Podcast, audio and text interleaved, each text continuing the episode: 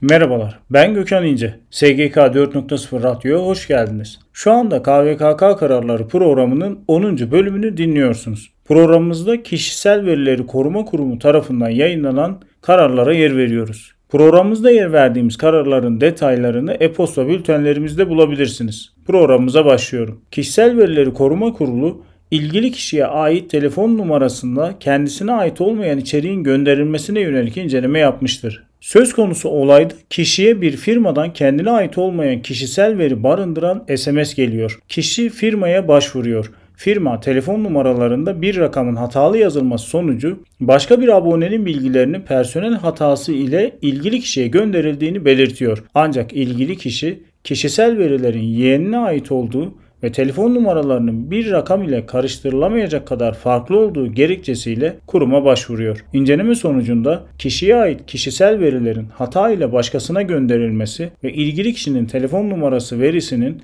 herhangi bir kanuni dayanağı olmaksızın işlenmesi sebepleriyle 50.000 TL idari para cezası uygulanmıştır. Ben Gökhan İnce. SGK 4.0 Radyo'da KVKK kararları programının 10. bölümünü dinlediniz. Bir sonraki yayında görüşmek üzere.